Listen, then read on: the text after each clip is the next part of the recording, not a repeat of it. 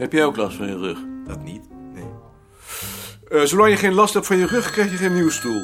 Onze stoelen kunnen zeker nog 100 jaar mee. Met koning. Met Jaap, kun je even komen? Ik kom. Ik ben even naar Balk.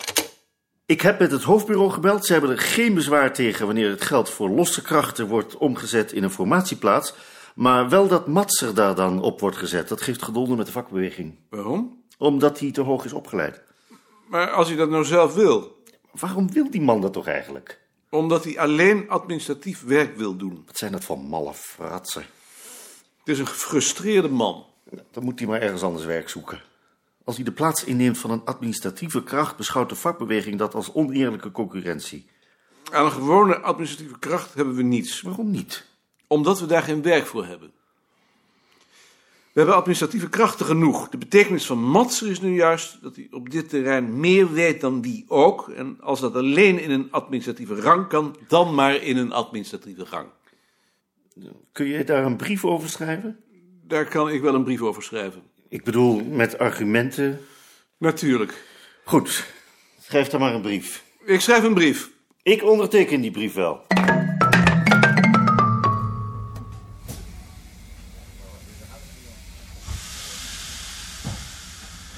Hé, hey, zijn jullie er al? Ik dacht dat ik altijd de eerste was. Ja, we dachten net, hoera, hij komt niet. Wat had je dan gedaan? Een feestje bouwen. Nee, daar kun je mij inderdaad niet bij gebruiken. Nou, voor mij mag je er gerust bij zijn hoor. Heb jij je toespraakje nog afgekregen, Lien? Ja, Wanneer? vannacht om vier uur. Vier uur? Verschrikkelijk. Wat doen ze je aan? Heb... Hebben jullie die artikelen van die Duitsers nog gelezen? Ik wel. Ja, ik ook. Lien, Nog niet allemaal. misschien kunnen we ze nog even doornemen.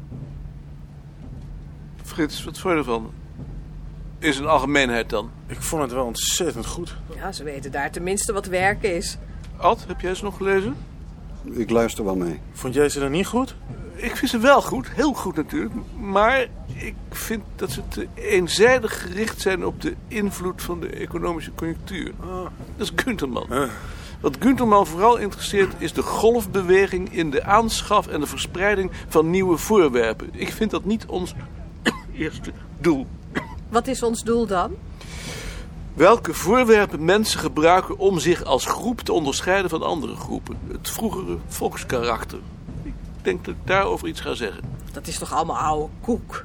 Daar hou ik van. Tegenwoordig noemen ze dat trouwens mentaliteitsgeschiedenis. Ik vind het wel interessant dat ze de computer gebruiken. Dat zouden wij eigenlijk ook moeten doen. Ik geloof niet in de computer. Omdat die modern is zeker. Dat in de eerste plaats. Het lijkt me toch wel gemakkelijk. Het werkt vernauwend. Je wordt gedwongen om je vast te leggen op een ordening van de feiten voordat je nog iets weet. Terwijl ik pas achteraf kan ordenen nadat ik eerst eindeloos met mijn gegevens geschoven heb. Dan verander je gewoon je programma. Daar ben ik te lui voor. Rie, dat moet jou toch aanspreken. Ik zeg toch niet dat ik wel voor de computer ben? Lien, zie je er tegenop? Een beetje. Over zes uur is het voorbij.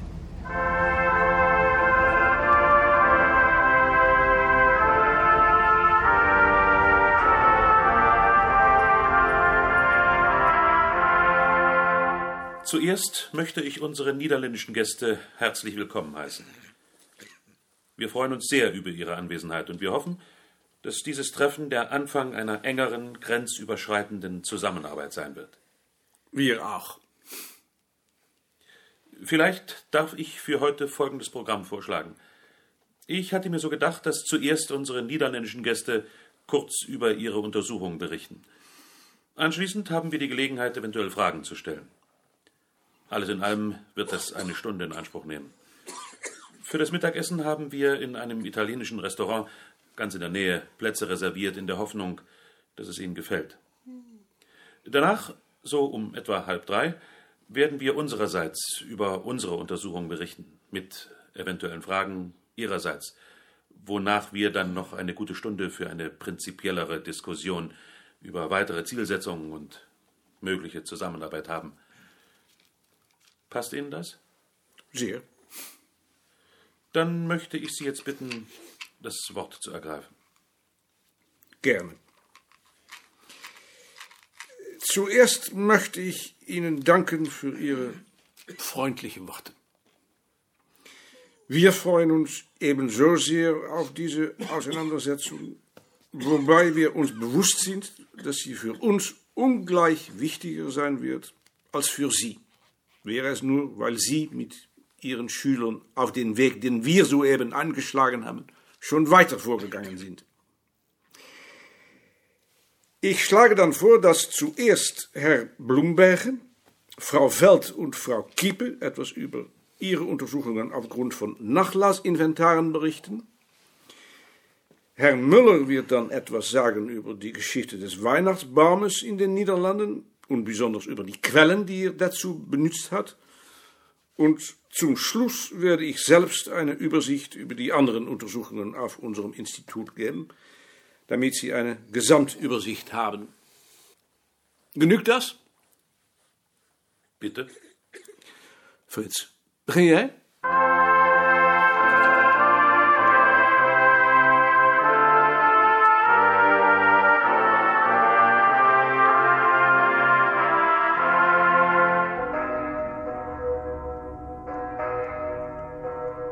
Ging wel goed, hè?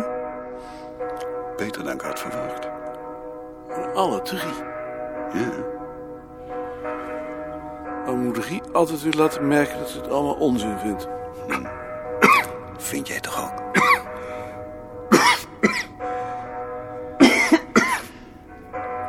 Maar ik laat het niet merken. Waarom eigenlijk niet? Weet ik niet. Ik denk dat het een kwestie van beschaving is. Je spuugt niet in de pap van ander. Op die manier moet je wel met ze meedoen. Ja, maar daar word ik toch ook voor betaald.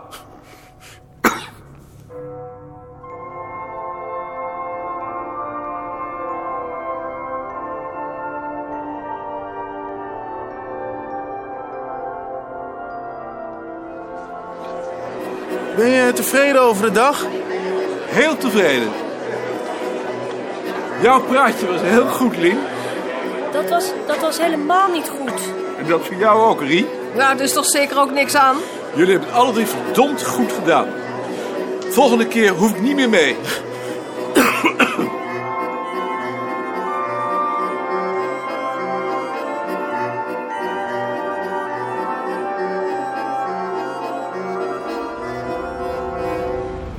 We moeten nou wel verdomd hard lopen, anders missen we de trein nog. Ad, en Lien zijn verdwenen. Die hebben besloten om hier vannacht te blijven. Op die manier missen we de trein. Zal ik even eh, teruglopen? Loop jij even terug. En vraag of ze gek geworden Oh, zijn. als je met Lien bent, heb je altijd zoiets. Die is nooit op tijd. Jij bent zeker zo iemand die altijd op tijd is. Ja, altijd. Vanaf de bewaarschool. Ik ook.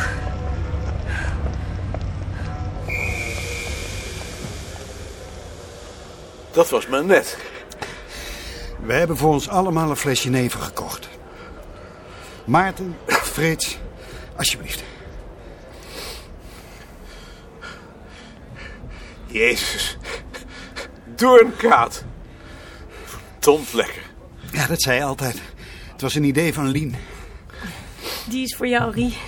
Hoe kwamen jullie al het geld? Dat heb ik bij een student van Gunterman gewisseld.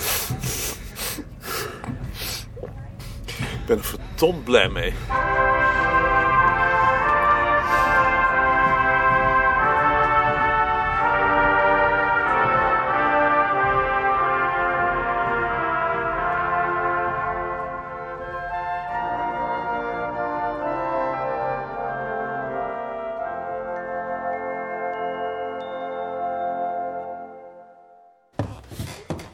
Ja, heb jij nog antwoord gehad op die brief? Welke brief? Die brief aan het hoofdbureau?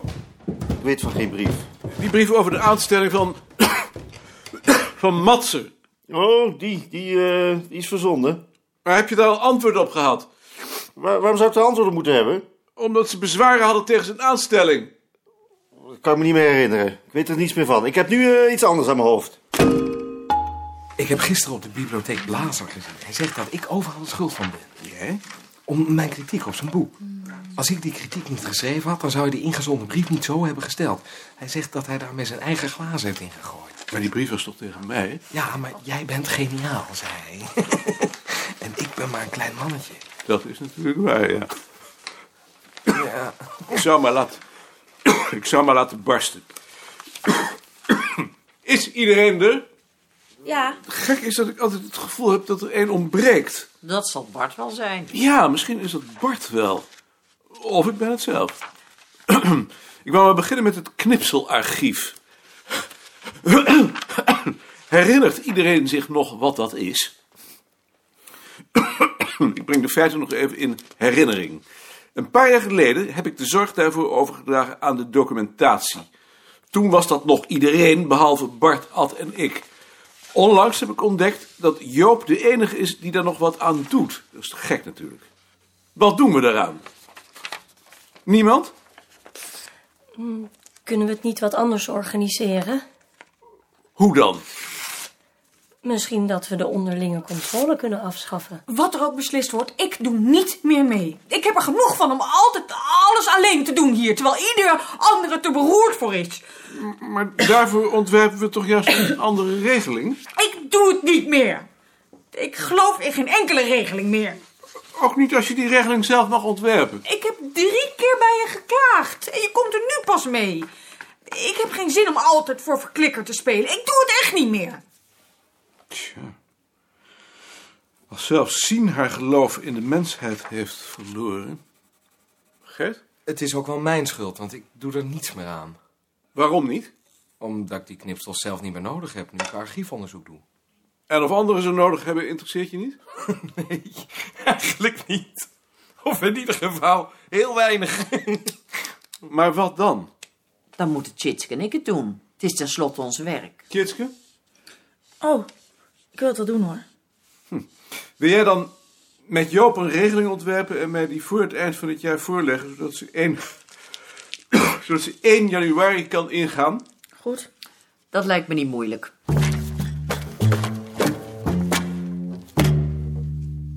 Vraag jij het? Vraag jij het maar. Mm, Frits en ik wilden graag twee dagen naar Gent. Wat wil je daar doen?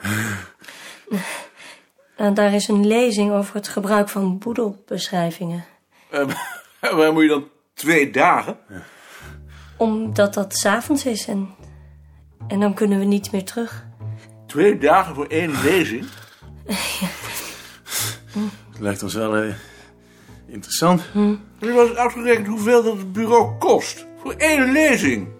Die bovendien wordt uitgegeven ook. Als hij de moeite waard is, tenminste. Ik kan misschien nog wel tot Rotterdam terug. Denk er niet over. We gaan er hier geen gekkenhuis van maken. Maar waar gaat het over? Het was zomaar een idee. Maar een raar idee.